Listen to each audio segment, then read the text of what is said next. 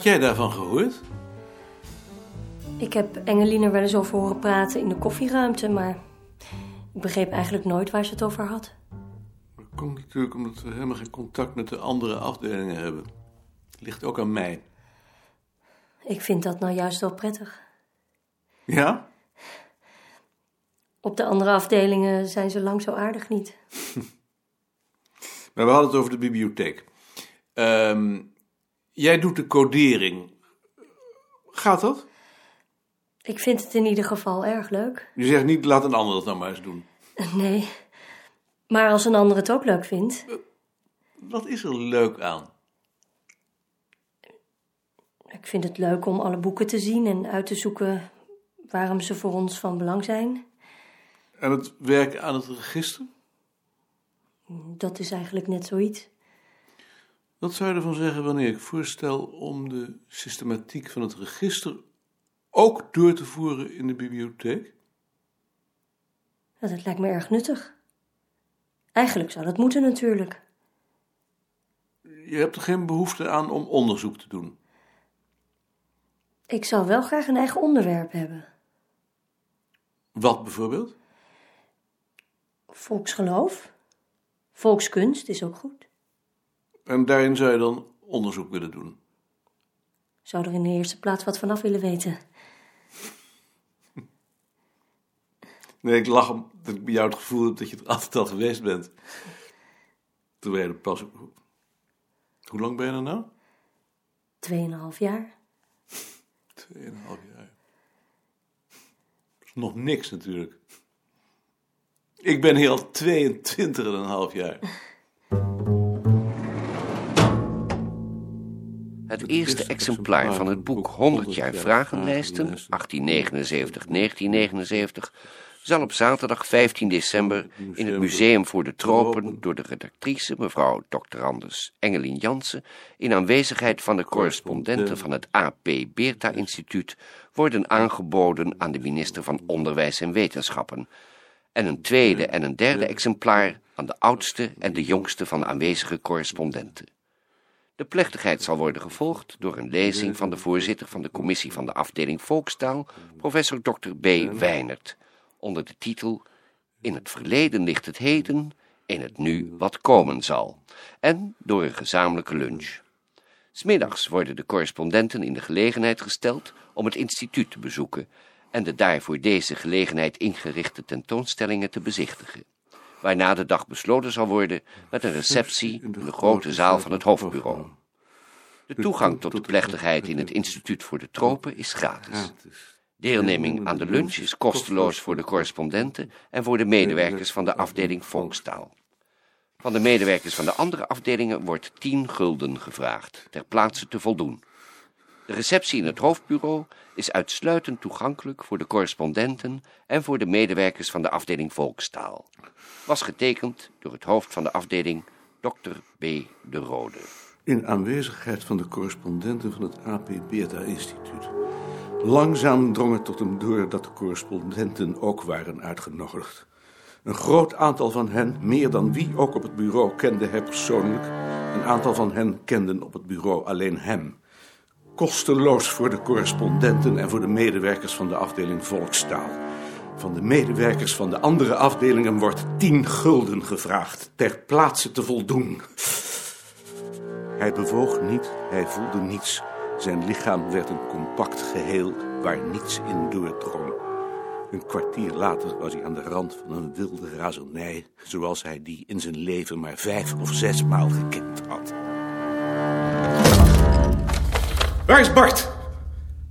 Bart is in vergadering, kun je het mij niet zeggen? Hoe haal je het hier godsnaam in je hoofd om correspondenten uit te nodigen en ons buiten te sluiten?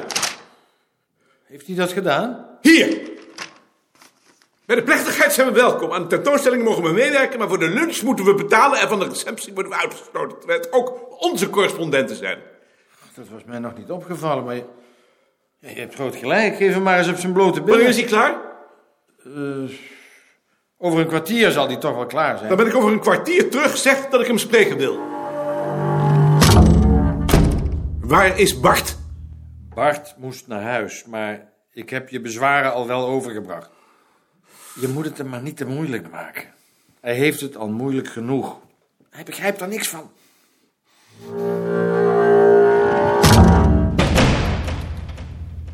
Wat is er? Ik ben woedend. Maar wat is er dan? Dat kan ik niet uitleggen. Maar dat kun je toch nog wel vertellen? Het is niet uit te leggen. Dat kun je toch wel proberen? Volkstaal heeft de correspondenten uitgenodigd. Wij mogen helpen aan de tentoonstelling, maar we mogen niet bij de lunch en de receptie zijn. Nou, wees blij. Ik zou blij zijn als ik jou was. Blij? Zijn toch ook onze correspondenten? Er zijn mensen onder bij wie we op bezoek zijn geweest. Wat moeten die mensen ervan denken als ik naar huis ga wanneer zij een keer in Amsterdam zijn? Dat is jouw schuld toch niet? Dat weten zij toch niet? Ze denken gewoon dat ik me niet voor ze interesseer. Weten zij veel? Dacht je dat zij het verschil tussen die afdelingen kennen? Ik begrijp niet dat je je daar zo over opwindt.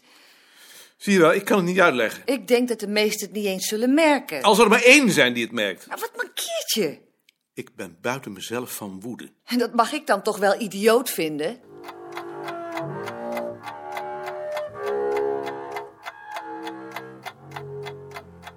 Slaap je niet? Hoe kan ik nou slapen? Ik ben buiten mezelf van woede. Maar zo belangrijk is het toch niet? Zo belangrijk is het dus wel. Wat doe je dan al maar? Denken. Zoveel is het toch niet te denken dat je niet kunt slapen? Ik formuleer mijn argumenten. Nou, dan formuleer je die en dan ga je slapen. Het gaat er juist om dat ze het niet begrijpen. Maar dan kun je in ieder geval toch proberen om stil te liggen. Dat kan ik wel proberen, maar het lukt me toch niet. Ik moet bewegen. Ik moet bewegen. Anders barst ik. Oh, het, het lijkt wel of je gek geworden bent. Ja, ik ben gek geworden. Je bent boos, hè? Boos? Ik ben razend. Maar leg me dat dan eens uit. Jullie nodigen de correspondenten uit.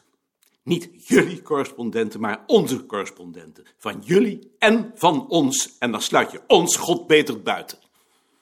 Maar is die tien gulden nou zo'n bezwaar? Het gaat niet om die tien gulden, het gaat om het gebaar. Van die mensen die daar komen, ken ik er vele tientallen. Misschien wel honderd, tweehonderd. Ik ben bij hun thuis geweest. Ik heb daar koffie gedronken, thee. Bij een aantal heb ik gegeten. Voor die mensen ben ik het bureau. Weten zij dat we hier op drie eilanden leven? Als ik daar kwam, hebben we het over de vragenlijsten gehad. Ook over jullie vragenlijsten. Als we ergens in eenheid zijn, wat we zo graag willen, waarvoor we nota bene net onze naam veranderd hebben, dan is het voor die mensen. En wat gebeurt er? Ze komen naar Amsterdam. Amsterdam is voor een aantal van hen meneer Koning. En wat doet meneer Koning? Meneer Koning gaat naar huis. Voor die mensen is er maar één conclusie. Als ze eens een keer bij mij komen, ben ik te belazerd om een zaterdagmiddag voor ze op te offeren. Ik kan toch niet uitleggen dat jullie ons er niet bij wilden hebben? Dat gelooft toch niemand? En als we jou dan uitnodigen om er ook bij te zijn, als hoofd van je afdeling? Niet mij, het gaat niet om mij. Ik ben niet de enige die mensen opzoekt. Dat doen Sien en Jaring en Ad en straks Gert en Lien ook. Het gaat om de afdeling. Het zijn net zo goed de correspondenten van mijn afdeling. We zijn wel goed genoeg om mee te doen aan de tentoonstelling. Uitstekend. Natuurlijk. Maar dan ook helemaal. Zodra er correspondenten worden uitgenodigd, worden ze door het hele bureau ontvangen, net als op de correspondentenbijeenkomsten. Ik begrijp waarachtig niet dat je dat niet inziet. Ik begrijp het toch nog niet helemaal. Maar als het zo belangrijk voor je is, dan zal ik het veranderen. Is dat goed?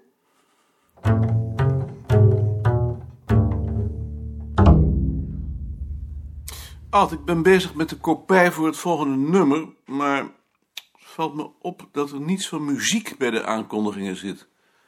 Betekent dat dat er niets in die mappen van Richard zat? Ik denk het. Dat is wel heel onwaarschijnlijk. Nogal. Hoe verklaar je dat dan? Ik denk dat Rie er niets bij vond dat ze de moeite waard vond.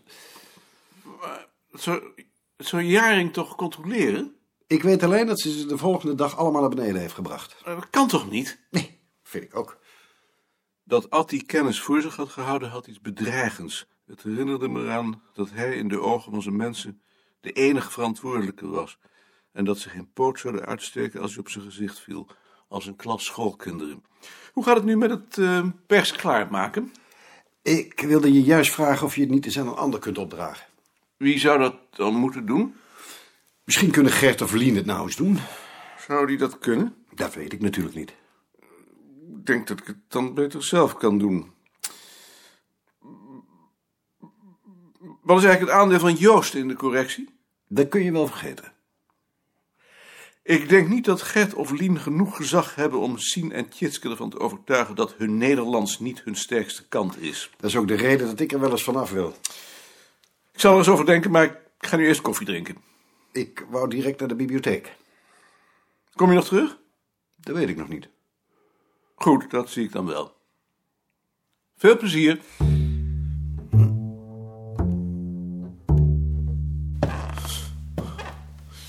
Dag Hans. Ah, ik eh, wou je net wat vragen. Vraag maar. Ja, ehm, jullie hebben nog altijd drie laden bij mij in gebruik. Zou je voor die kaarten ook een andere plek kunnen zoeken? Want ik heb die eigenlijk nodig. Dat is lastig, want we hebben geen eigen kaartenkast. Nou, dan ga ik maar. Tot ziens. Ehm, kan Volkstaal niet een paar laden vrijmaken? Want die hebben wel een eigen kaartenkast. Of eh, volksnamen? Ik heb ze juist voor volkstaal nodig. Ik zal ze leegmaken. Gert, Ja, zou jij even willen helpen? wat moet er gebeuren?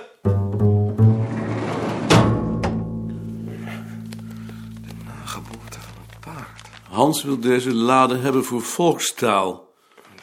Te- Tweemaal tien is twintig laden, daarvan tien, vijftien, zestien. Verspreiding van Volkstaal, in het Nederlands. twee, vier, vijf van volksnamen. Het zijn mooie kaarten. Waar, waar wil je die laten? Voorlopig maar op de vergadertafel in mijn kamer. En nu? M- mag ik een voorstel doen? Graag. Als je nu tussen Tjitske en mij twee van die kastjes zet, net zoals bij jullie, en je legt daar brede planken in, vlak boven elkaar, dan heb je een kaartenkast. Dat is een goed idee. Dat is een verdomd goed idee zelfs. Ik bespreek het meteen met Bavelaar.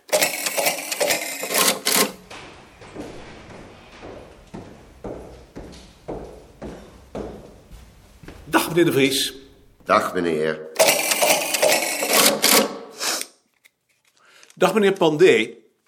Dag Jantje. Ik had je net willen spreken. Ach, Pandé, kun jij niet even koffie gaan drinken? Echt niet nodig dat hij overal met zijn neus bij zit. Hoe gaat het nou met hem? Ik heb niks aan hem. Alles wat hij doet moet je controleren. En als hij niet voortdurend achtereen zit, doet hij niks. Waarover wou je me spreken? Over Richard Escher.